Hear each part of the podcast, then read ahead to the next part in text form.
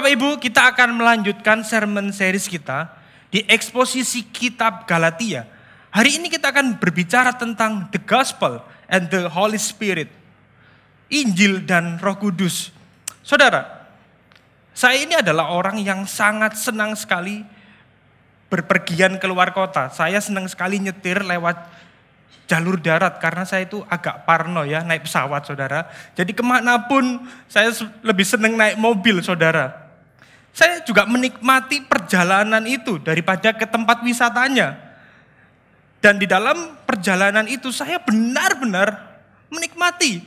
Kalau sudah sampai, walah sudah sampai gitu aja. Ini mungkin terdengar aneh ya. Lebih senang di jalanan daripada ke tempat wisata saudara.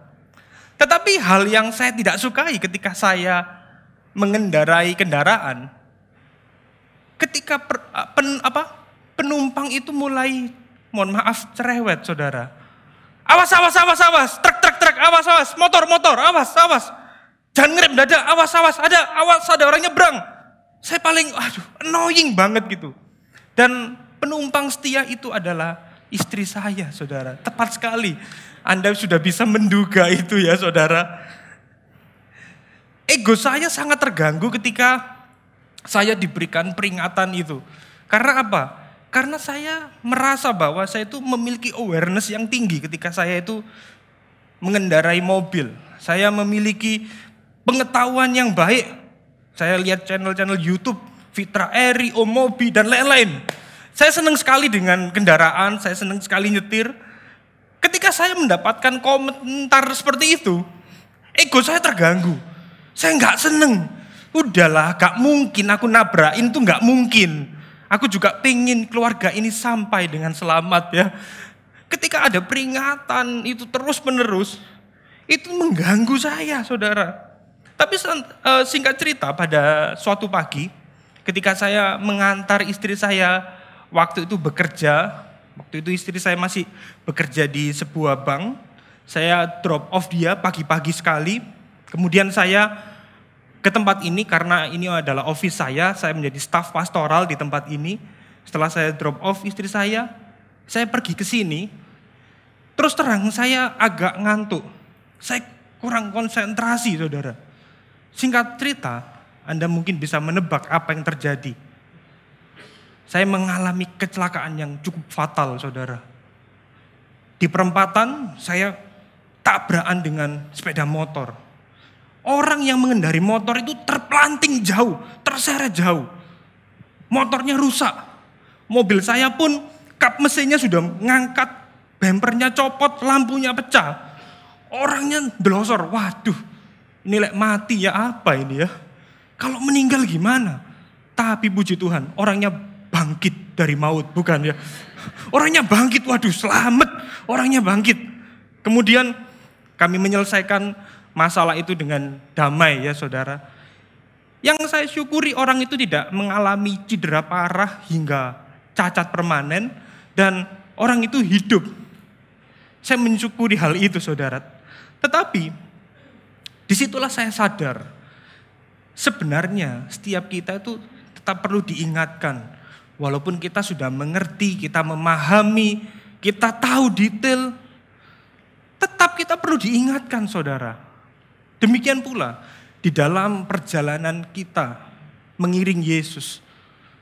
Dalam perjalanan iman kita, kita tetap perlu untuk diingatkan oleh berita Injil. Mungkin sebagian dari kita sudah ngerti Injil, apal. Yesus mati kan buat kita, kita manusia berdosa kan. Kita diselamatkan oleh anugerah kan? Mungkin kita sudah bisa berbicara seperti itu. Kita bisa mengartikulasikan di dalam kehidupan kita sehari-hari. Tetapi saudara, kita perlu ingat, di dalam memahami Injil, kita semua mungkin sudah paham. Tetapi di dalam menjalaninya dalam kehidupan sehari-hari, bisa jadi kita masih pemula. Kita masih jatuh bangun. Kita lupa, kita lalai saudara.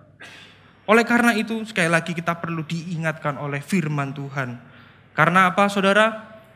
Firman Tuhan itu seharusnya tidak hanya berhenti di kognitif saja. Head knowledge, secara pengetahuan. Tetapi Firman Tuhan itu harus dihayati di dalam kehidupan kita sehari-hari. Menjadi afektif. Dan hari ini kita akan mereflektifkan Injil. Kita akan merenungkan firman Tuhan lebih mendalam saudara. Amin. Katakan pada kanan kiri Anda jangan bosan ya. Jangan jenuh, kita belajar sama-sama saudara. Kita akan mereflektifkan firman Tuhan pada hari ini. Dan hari ini kita akan melanjutkan eksposisi kitab Galatia. Kita akan melanjutkan di Galatia 3 ayat 1 sampai 5. Kemarin Pastor Nathan sudah berhenti di Galatia 2 menjelaskan antara konflik Rasul Paulus dan Rasul Petrus. Hari ini Rasul Paulus kembali berbicara kepada orang-orang di Galatia. Kita akan membacanya bergantian, saya mengawalinya lalu kita membacanya bergantian. Galatia 3 ayat 1. Hai orang-orang Galatia yang bodoh, siapakah yang telah mempesona kamu? Bukankah Yesus Kristus yang disalibkan itu telah dilukiskan dengan terang di depanmu? Hanya yang hendak ku ketahui ini daripada kamu, adakah kamu telah menerima roh karena melakukan Taurat atau karena percaya pada pemberitaan Injil? Adakah kamu sebodoh itu? Kamu telah mulai dengan roh. Maukah sekarang kamu mengakhirinya di dalam daging? Bapak Ibu, sia-siakan semua yang telah kamu lalami sebanyak itu. Masakan sia-sia. Jadi bagaimana sekarang? Apakah ia yang menganugerahkan roh kepada kamu dengan berlimpah-limpah dan yang melakukan mujizat di antara kamu berbuat demikian karena kamu melakukan hukum Taurat atau karena kamu percaya kepada pemberitaan Injil. Demikian jauh pembacaan firman Tuhan yang kita lakukan. Berbahagialah kita semua yang merenungkan dan melakukan firman Tuhan dalam kehidupan kita sehari-hari. Amin. Di poin yang pertama kita akan belajar masalah yang terjadi di dalam orang-orang Kristen di Galatia. Rasul Paulus mengawali suratnya dengan kata-kata yang kurang enak. Rasul Paulus berbicara kepada orang-orang Galatia, orang Galatia yang bodoh. Jelas di sini dikatakan orang-orang Galatia yang bodoh. Siapakah yang telah mempesona kamu? Lebih tepatnya menggunakan kata-kata menyihir kamu. Sebuah salam pembuka yang tidak enak, saudara. Bayangkan ketika kita membuka WhatsApp atau DM Instagram, Shalom Bapak Dev yang bodoh gitu. Esmosi ya kita ya, bukan emosi lagi, tapi esmosi. Ini ngapain? Kok tiba-tiba membuka suratnya dengan Shalom, pertama Shalom. Dengan Bapak yang bodoh, nggak enak sekali, saudara. Kenapa Rasul Paulus mengatakan orang-orang Galatia ini bodoh? Kita lihat. Di sini Rasul Paulus menanyakan kepada mereka, apa yang membuat kamu tersihir? Apa yang membuat kamu terpesona, kamu terhipnotis? Kok sampai kamu berpaling dari Injil? Kenapa kok kamu disesatkan dari doktrin keselamatan? Oleh karena itu saudara, di sini Rasul Paulus mengingatkan kepada orang-orang Galatia, mengapa tindakan mereka begitu bodoh. Bodoh di sini itu bukan tentang IQ atau kecerdasan kognitif. Tetapi di sini Rasul Paulus mempertanyakan, apakah mereka itu menggunakan akal sehat mereka yang telah disucikan? Mereka pakai akal sehat mereka yang disentuh oleh roh atau tidak? Mereka seharusnya bisa melihat kebodohan yang tidak konsisten yang diajarkan oleh kaum Judaizer, kaum Yudais. Harusnya mereka melihat bahwa aturan legalistik ini tidak konsisten dengan Injil Yesus Kristus. Tidak konsisten dengan ajaran keselamatan yang Tuhan Yesus sudah lakukan bagi kita. Rasul Paulus sudah menceritakan itu berkali-kali kepada orang-orang di Galatia. Kenapa kok mereka kembali terhipnotis oleh guru-guru palsu? Ada dua alasan mengapa Rasul Paulus mengatakan bahwa mereka begitu bodoh. Yang pertama, mereka bertentangan dengan karya Kristus. Di bagian Galatia 3 ayat 1b.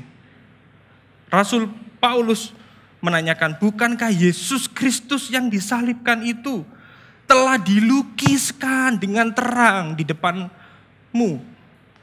Kenapa kok kamu kembali tergoda? Kenapa kamu kok tertipu lagi? Saudara, kata-kata yang eh, yang diceritakan oleh Rasul Paulus dilukiskan ini bukan berarti Rasul Paulus membawa papan reklame, membawa patung salib Yesus bukan, tetapi Rasul Paulus menggunakan kata-kata kiasan, menggunakan kata-kata metaforis untuk menggambarkan aku sudah cerita Yesus berkali-kali sama kamu. Aku sudah menceritakan Injil. Aku sudah menceritakan karya keselamatan. Aku sudah mengatakan kepada kamu Yesus yang mati, yang menggantikan posisi kita. Kenapa kok kamu kembali tertipu? Di sini saudara, memang orang Galatia tidak langsung melihat peristiwa penyalipan Yesus. Karena posisi Galatia dan tanah Palestina itu memang begitu jauh. Makanya inilah maksudnya dilukiskan. Dilukiskan ini adalah Paulus sudah menceritakan dengan berulang-ulang saudara. Dia menceritakan kisah Kristus di kayu salib. Tetapi mereka kembali dengan kehidupan dengan cara legalistik. Mereka hidup dengan cara hidup orang Yahudi pada masa itu. Mereka melakukan perbuatan baik, mereka melakukan ritual agama.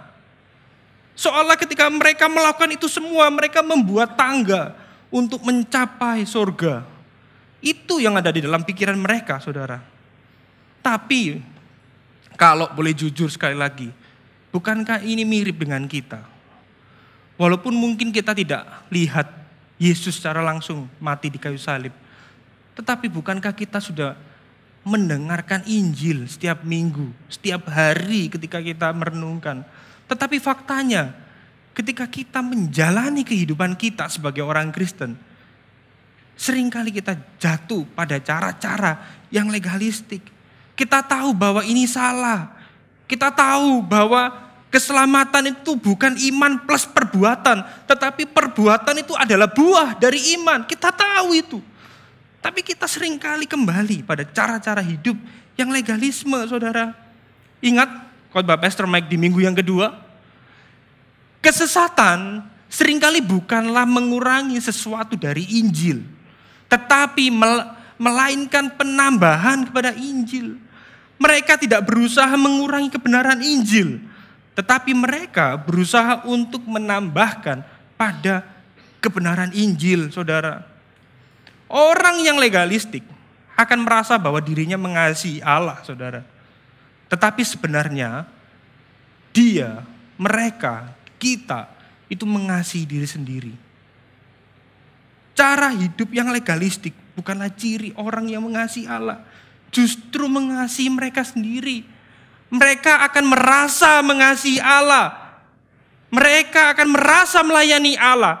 Tetapi sebenarnya mereka hanya melayani hawa nafsu dan keinginan duniawi di dalam diri mereka.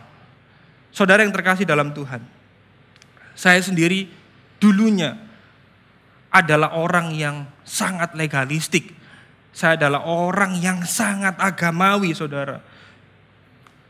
Kenapa saya bisa mengatakan ini? Karena saya mengalaminya, saudara. Waktu saya SMA, saya merasa mengasihi Tuhan. Saya merasa memberikan seluruh hidup saya buat Tuhan. Saya berdoa berjam-jam, bahkan sampai subuh. Saya melayani Tuhan. Bahkan setiap minggu saya bisa main gitar di sini tanpa ada pengganti. Gak apa-apa, jadwal aja. Taruh namaku terus. Karena apa? Saya merasa ketika saya melakukan itu, saya mengasihi Tuhan saya memberikan hidup saya sepenuhnya bagi Tuhan. Bahkan waktu dulu di tempat ini, ibadah yud itu hari Sabtu. Itu jam 6 sore dan sampai jam 8 atau setengah 9 malam. Anak-anak muda biasanya ngedit. Karena karena saya nggak punya pacar sih saya ke gereja saudara. Tapi saya merasa saya mengasihi Tuhan saudara. Bahkan ketika saya selesai yud, jam 8 malam atau setengah 9. Kami, saksi mata tadi yang main bass sama yang main gitar, setelah ibadah kami pindah ke rumah salah satu dari teman kami, kami berdoa hingga semalam suntuk, bahkan sampai dini hari. Minimal kami itu pulang sampai rumah itu jam 12 malam. Jadi setelah ibadah yud, kami kembali doa penyembahan, memuji Tuhan, menyembah Tuhan sampai subuh-subuh saudara. Berdoa untuk pertobatan, berdoa untuk perubahan hidup. Sampai bingung topik doanya itu apa. Berdoa bagi bangsa dan negara. Seluruh jajaran pemerintahan dari yang atas sampai yang bawah. Apalagi ya. Berdoa bagi janda-janda miskin kelaparan. Semua didoakan saudara. Berdoa seperti itu. Kami merasa kami mengasihi Tuhan. Saya merasa saya mengasihi Tuhan. Besok paginya ibadah di tempat ini. Dulu bukan jam 8 pagi paling pagi, tetapi jam 6.30 Sebagian dari kami, bahkan saya sudah melayani Tuhan pagi-pagi sekali. Saya merasa saya mengasihi dia. Tapi sebenarnya saudara, ketika saya renungkan, motivasi saya itu bukan karena mengasihi Tuhan. Saya melakukan ini semua hanya untuk kepentingan diri saya pribadi. Karena apa? Karena saya sangat takut kehilangan keselamatan. Karena saya takut bahwa keselamatan saya itu tidak solid. Karena pada waktu itu saya memahami bahwa karya Kristus di kayu salib itu hanyalah DP. Kemudian supaya kita tidak kehilangan keselamatan, kita harus sungguh-sungguh melakukan perbuatan baik. Kita harus sungguh-sungguh melayani Tuhan supaya keselamatan itu tidak hilang. Jadi saya melakukan itu semua sebenarnya hanya untuk kepentingan pribadi saudara. Bahkan yang saya pahami pada waktu itu, kalau kita melayani Tuhan dengan sungguh-sungguh, maka berkat-berkat Tuhan itu akan dilimpahkan kepadamu. Kamu akan menjadi sukses berhasil di dunia. Kamu akan diberkati secara materi. Secara tidak sadar, saya juga jatuh di dalam praktek teologi kemakmuran, saudara. Saya mengalami ini semua. Melakukan kegiatan legalistik atas nama Tuhan. Tetapi itu hanya untuk kepentingan pribadi, saudara. Ketika kita hidup bagi kepentingan pribadi, maka kita sebenarnya sedang bertentangan dengan karya Kristus di kayu salib.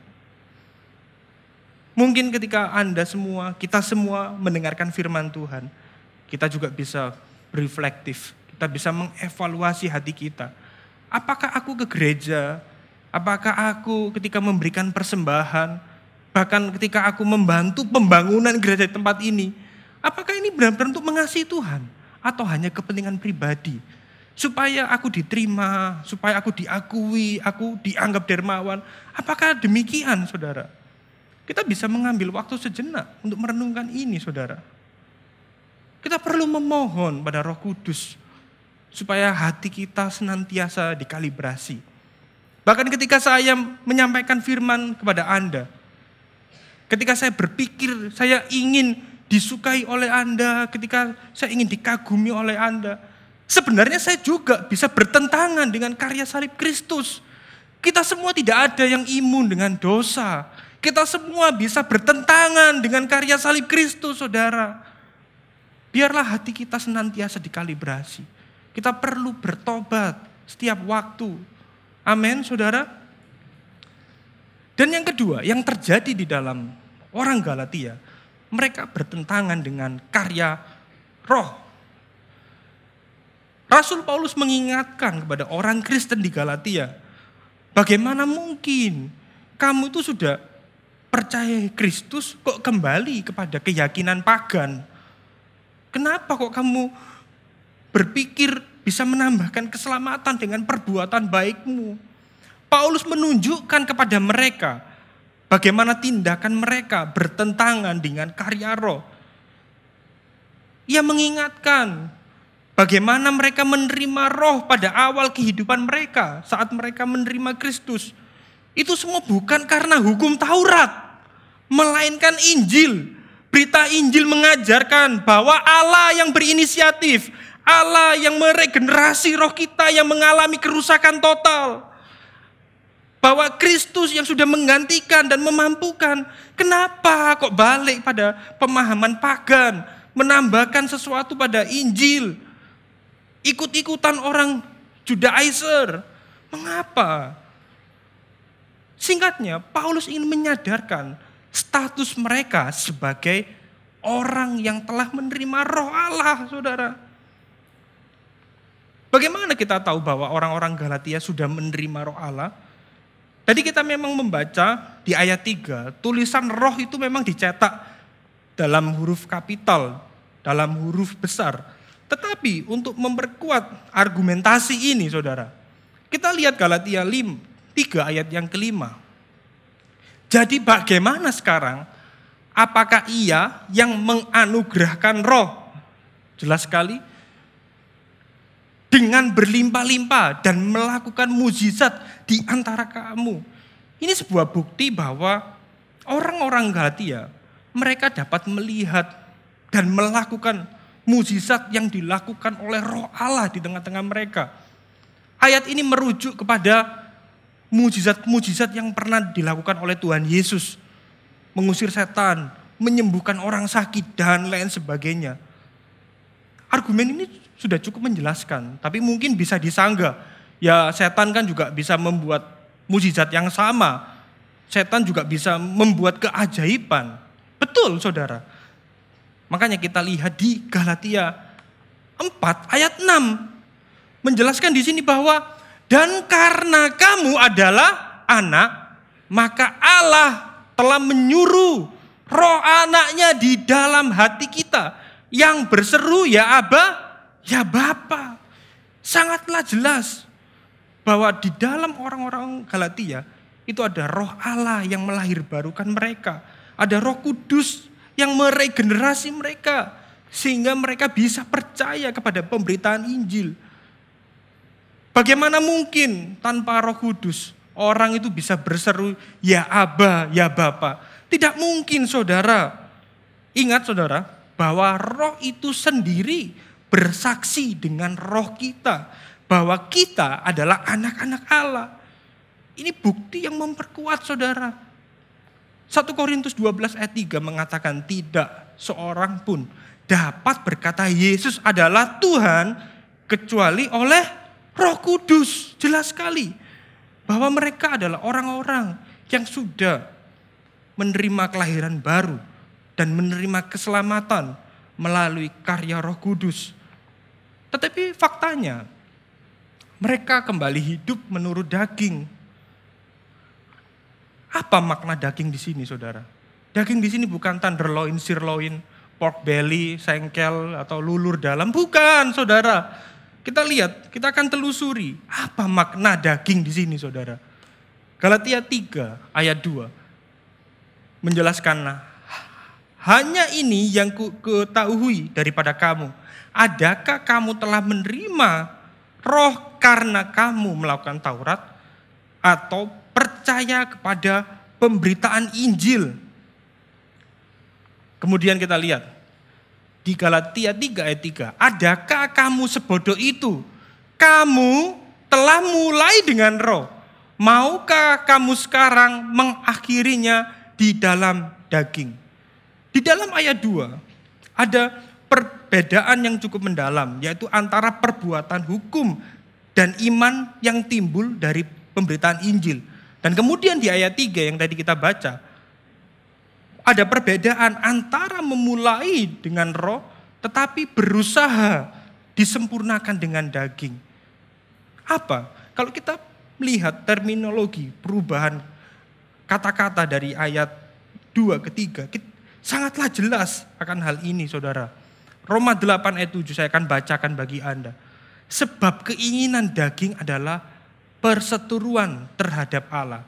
Karena ia tidak takluk kepada hukum Allah. Hal ini memang tidak mungkin baginya. Kalau daging ini berbicara tentang musuh Allah, perseteruan dengan Allah. Daging ini adalah legalisme dan antinomian kalau kita berbicara legalis dan antinomian, keduanya ini adalah musuh Injil karena berusaha menambahkan sesuatu pada Injil. Daging itu berbicara tentang legalisme karena apa? Melakukan ketaatan untuk mendapatkan apa yang mereka inginkan. Orang yang legalis, bungkusnya taat, tetapi mereka pingin sesuatu. Orang antinomian, orang yang liberal, melakukan segala perbuatan menurut kehendak mereka hanya untuk kepuasan pribadi. Keduanya ini adalah daging, keduanya ini adalah musuh Injil, saudara. Daging itu berbicara tentang diri yang tidak bergantung kepada Allah. Daging itu wujud dari pikiran yang memusuhi Allah.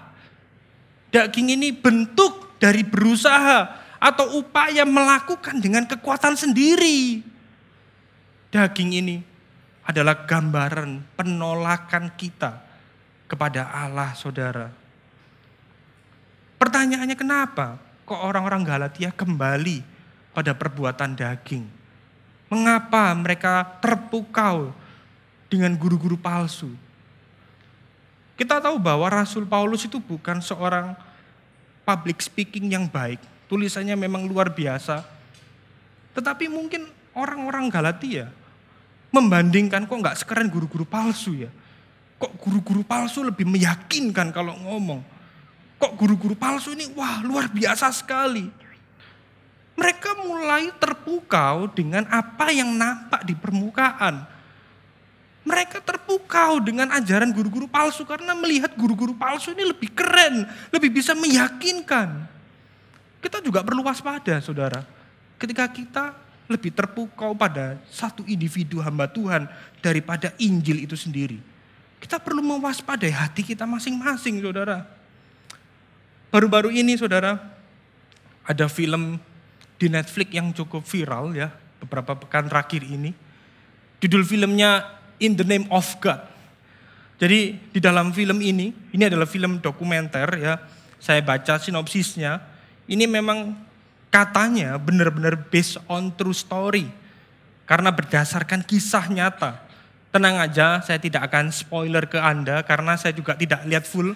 Saya minta tolong istri saya lihat dan saya ingin diceritain aja saudara. Gak ada waktu melihat film berseri-seri seperti itu saudara. Tapi intinya di dalam film itu menceritakan para oknum pendeta di Korea Selatan.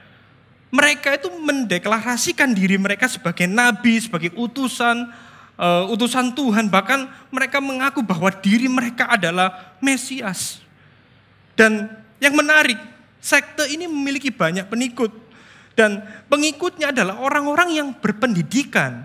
Orang-orang yang punya sekolah yang tinggi, saudara. Dan pendeta tersebut berlindung di balik topeng agama untuk melakukan tindakan kriminal, termasuk kekerasan seksual, penganiayaan, hingga pembunuhan. Bahkan salah satu pendeta di dalam film itu, mereka mengatakan kepada para wanita pengikut mereka, kalau berhubungan seksual dengan saya, bukan saya maksudnya, pendeta itu, pendeta tersebut ya, mereka sedang melakukan kehendak Tuhan dan ketika berhubungan seksual dengan pendeta itu, mereka sedang menyenangkan hati Tuhan. Karena pendeta tersebut mengaku bahwa dirinya adalah Mesias. Banyak contoh-contoh lain di dalam film itu. Dan sangat mengerikan menurut saya saudara. Yang saya ingin katakan saudara. Ketika kita hanya mengagumi sosok hamba Tuhan sekali lagi. Melebihi firman Tuhan itu sendiri kita bisa tersesat saudara. Kita bisa terjerumus. Apalagi kalau kita sudah diskusi dengan orang lain. Sudah jangan usik hamba Tuhan yang diurapi. Itu bahaya dengan kata-kata seperti itu. Ingat saudara, hamba Tuhan, saya, Anda itu sama-sama orang berdosa. Bedanya saya diberikan kepercayaan untuk mengabarkan Injil, untuk mengembalakan, untuk menjadi memperlengkapi orang-orang kudus. Kita sama berdosanya, kita sama-sama berjuang.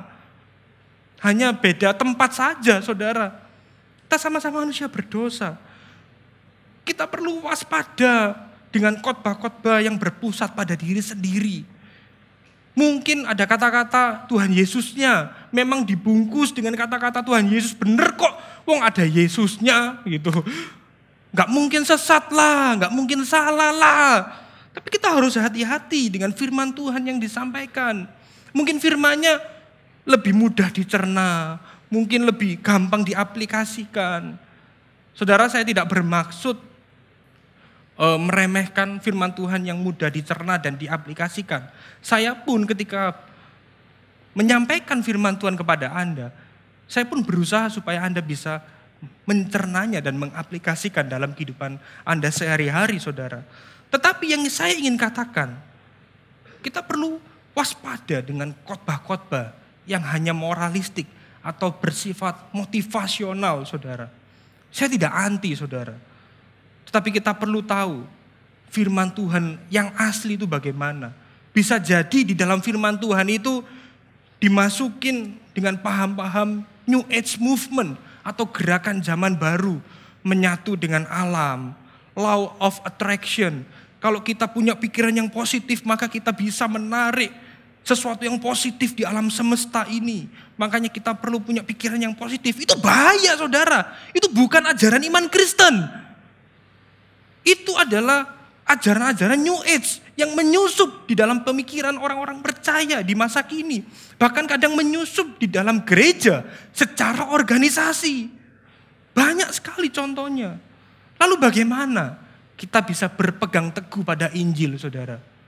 Kembali lagi saudara kita perlu senantiasa memandang pada salib Kristus dan merenungkannya setiap waktu. Amin.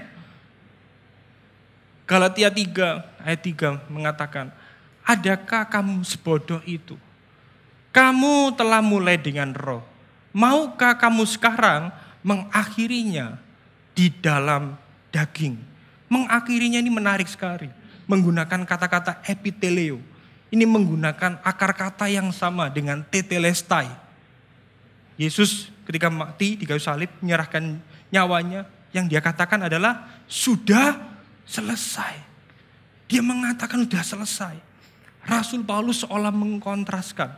Yesus sudah menyelesaikannya di kayu salib. Kenapa kok kamu berusaha menyelesaikan dengan kekuatanmu sendiri? Kenapa kamu berusaha accomplish dengan kekuatanmu sendiri? Yang perlu kita lakukan adalah mari kita pandang Kristus, saudara. Mari kita kembali memandang karya Kristus yang sudah selesai itu. Biarlah kita tidak bergumul dengan kekuatan kita sendiri. Kita perlu memiliki pengharapan mesianik. Apa itu pengharapan mesianik? Kalau umat Allah di perjanjian lama, mereka hanya melihat bayang-bayang tentang salib Kristus.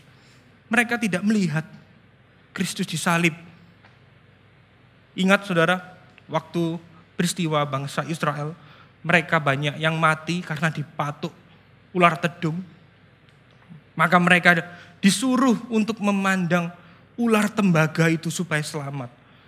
Ketika bangsa Israel memandang ular tembaga itu, ular tedung yang dibawanya matuk, dek, dek, mereka nggak mati lagi. Mereka tidak mengalami kematian dan mereka selamat saudara. Ini adalah tipologi atau bayangan tentang salib Kristus. Hari ini kita umat perjanjian baru. Kita sudah melihat bahwa 2000 tahun yang lalu Yesus sudah menyerahkan nyawanya. Menggantikan posisi kita. Dia sudah menggenapi apa yang terjadi di dalam perjanjian lama. Marilah kita semua memandang pada karya Kristus yang sudah selesai itu. Itulah pengharapan bagi kita sebagai orang percaya. Amin saudara. Oleh karena itu John Piper mengatakan demikian. Kematian Kristus adalah lonceng kematian bagi kesombongan kita. Tetapi juga fajar pengharapan. Kematian Kristus untuk dosa kita. Tidak hanya menunjukkan betapa tersesatnya kita tetapi juga menunjukkan betapa cukupnya pendamaian yang Allah buat di dalam Kristus untuk dosa kita, saudara. Seringkali kita terlalu banyak menghabiskan waktu untuk berusaha mencari solusi mematikan dosa, sehingga kita tidak memberi waktu untuk melihat keindahan karya Kristus yang sudah selesai dan yang telah menghidupkan kita, saudara. Oleh karena itu, kita perlu senantiasa kita perlu senantiasa menyadari bahwa Roh Kudus itu bukan hanya memulai keselamatan di dalam kita, tetapi Dia juga mendampingi dan menjamin keselamatan kita hingga akhir hayat. Galatia 3 ayat 5 mengatakan, jadi bagaimana sekarang? Apakah ia yang menganugerahkan roh kepada kamu dengan berlimpah-limpah dan yang melakukan mujizat di antara kamu? berbuat demikian karena kamu melakukan hukum Taurat atau karena kamu percaya kepada pemberitaan Injil. Ayat ini secara substansial mengandung pengulangan argumen di ayat yang kedua. Argumennya adalah bahwa anugerah Roh Kudus itu diberikan. Itu bukan karena kamu melakukan Taurat, tetapi karena kamu ngerti karena kamu meresponi pemberitaan Injil. Kenapa sih Rasul Paulus kok menanyakan hal ini berulang-ulang saudara? Karena apa? Karena sering kali kita lupa bahwa keselamatan yang kita peroleh itu adalah anugerah Allah dan melalui karya Roh Kudus yang bekerja secara aktif ketika Injil Kristus diberitakan. Keselamatan kita itu bukan karena inisiatif kita, Bukan karena kita bisa memilih Tuhan, tetapi karena karya Roh Kudus yang senantiasa bekerja di dalam kehidupan kita, saudara. Amin. Roh Kudus, Dia yang melahirbarukan kita. Dia yang mengaktifkan iman kita sehingga kita bisa merespon akan berita Injil. Maka Roh Kudus yang sama juga, Dia menuntun dia menginsyafkan kita dari dosa-dosa kita. Dia mendampingi. Dia memampukan kita. Bahkan dia menjamin, dia memeteraikan keselamatan kita. Sehingga kita tidak perlu takut kehilangan keselamatan yang Tuhan sudah berikan. Oleh karena itu saudara, setiap kita perlu hidup dalam tuntunan roh. Amin. Kita perlu merenungkan firman Tuhan banyak orang Kristen berpikir bahwa Roh Kudus bisa berbicara langsung secara audible. Tidak salah dengan pandangan itu. Saya percaya sekali Roh Kudus juga berbicara secara supranatural di dalam kondisi tertentu. Saya sangat percaya, Saudara. Tetapi, Saudara, Roh Kudus justru sering kali mengingatkan kita melalui pembacaan firman Tuhan yang kita lakukan setiap hari. Amin. Roh Kudus memberikan iluminasi, Roh Kudus memberikan pencerahan ketika kita membaca firman Tuhan. Karena Tuhan sudah mewahyukan semuanya di dalam Alkitab kita. Jadi jangan bergantung dengan hamba Tuhan. Jangan datang ke seminar-seminar atau, wah itu enak. Kalau aku bingung tanya hamba Tuhan, apa firmannya buat aku? Tuhan ngomong apa sama aku? Halo Bapak Ibu, Tuhan sudah ngomong dalam Alkitab. Cuma kita aja yang males bacanya saudara, mohon maaf. Jadi kita perlu membaca Alkitab itu. Jangan tergantung hamba Tuhan. Tuhan sudah memberikan roh yang sama bagi kita. Cuma kadang kita yang sering kali tidak mau membaca firman Tuhan. Oleh karena itu kita perlu merenungkan firman Tuhan setiap waktu. Amin. Semakin kita mengenal firman Tuhan, maka hidup kita semakin bergantung kepada pimpinan Roh Kudus. Karena iman Kristen, saudara, itu bukan berbicara tentang seberapa kuat bagaimana kita menjalani kehidupan ini, tetapi menyadari betapa lemahnya kita dan kebutuhan akan anugerah Allah. Itulah iman Kristen, saudara sedikit berbeda, bukan sedikit berbeda, sangat kontras sekali dengan apa yang dunia ajarkan. Yang dunia ajarkan, kamu bisa, kamu bisa, kamu bisa, saya bisa, saya bisa, kamu akan bisa. Itu yang dunia ajarkan. Tapi Injil mengatakan, kamu memang lemah, kamu memang gak mampu, kamu memang gak berdaya. Tapi ada roh kudus yang tinggal dalam kamu. Yang memampukan kamu. Yang menopang kamu. Jadi kekuatan kita itu bukan pada kekuatan kita. Tetapi kekuatan kita itu ketika roh kudus itu ada di dalam kita.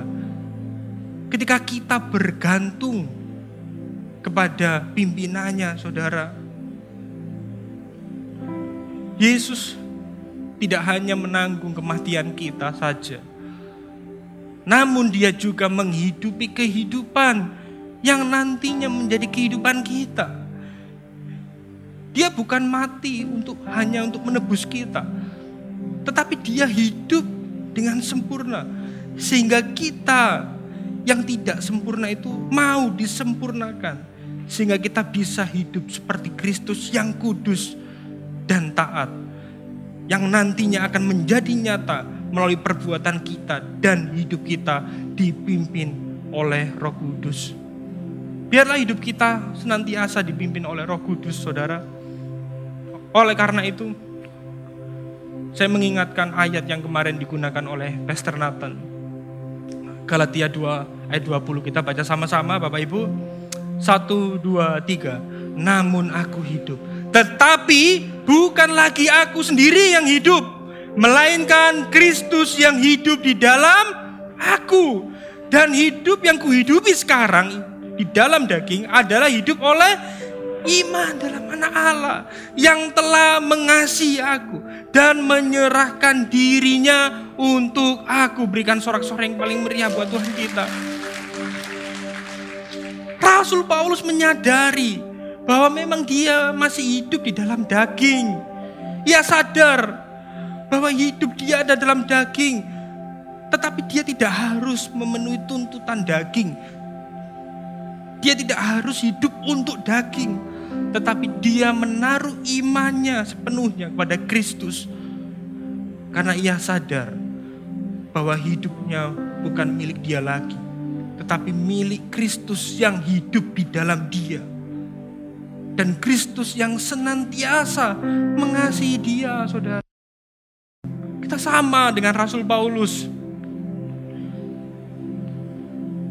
Kita tidak perlu hidup menurut tuntutan daging karena roh Allah, roh kudus sudah hidup di dalam kita. Kita memang masih hidup di dalam dunia, kita hidup di dalam daging. Tetapi sekali lagi kita tidak perlu hidup menurut aturan daging. Untuk tuntutan daging. Tidak perlu saudara. Karena ada roh Allah yang senantiasa menolong dan memampukan kita. Biarlah kita menaruh iman kita sepenuhnya pada Kristus karena dia ada di dalam kita, saudara. Kristus adalah Allah yang tak terbatas. Ia rela menjadi sama dengan manusia. Ia rela menambahkan natur manusia di dalam natur kealahannya. Tetapi dia menang dan tidak dikuasai, tidak hidup menurut keinginan daging, tetapi dia taat hingga akhir kepada kehendak Bapa supaya saudara kita hari ini yang ada di dalam Kristus sekalipun masih di dalam daging. Kita memiliki pengharapan. Kita tidak merasa berjuang sendirian karena Kristus di dalam kita mendampingi dan memampukan kita. Amin. Kita dimampukan untuk hidup bagi Dia. Kita dimampukan untuk berkata pada dosa, berkata tidak pada dosa. Karena Kristus ada di dalam kita, Dia senantiasa menolong dan memampukan kita. Saya undang Anda bangkit berdiri saudara. Kita baca sama-sama ayat ini. Filipi 2 ayat 6 sampai 8. Kristus yang walaupun dalam rupa Allah tidak menganggap kesetaraan dengan Allah itu sebagai milik yang harus dipertahankan, melainkan telah mengosongkan dirinya dan mengambil rupa seorang hamba dan menjadi sama dengan manusia dan dalam keadaannya sebagai manusia Ia merendahkan dirinya dan taat sampai mati. Bahkan sampai mati di kayu salib. Sekali lagi berikan sorak-sorak yang paling meriah buat Tuhan kita saudara. Wow. Yesus sudah taat. Hari ini kita yang ada dalam Kristus, kita juga dimampukan taat. Karena ada roh Allah yang tinggal di dalam diri kita. Karena Injil saudara, kita menyadari roh kudus yang membuat kita percaya dan menerima Injil. Sehingga kita tidak perlu menambahkan apa pun untuk mendapatkan keselamatan. Amin. Karena Injil kita menyadari Roh Kudus di dalam kita sehingga kita dapat bersandar penuh dalam pimpinannya. Karena Injil kita menyadari Roh Kudus bersama dengan kita sehingga kita tidak merasa sendirian ketika kita menghadapi dosa. Karena Injil kita menyadari Roh Kudus di dalam kita sehingga kita tidak perlu takut kehilangan iman pada Kristus karena Dia menjamin hidup kita sampai akhir hayat. Amin. Mari tangan hati kita, kita akan nyanyikan lagu ini bersama-sama, saudara.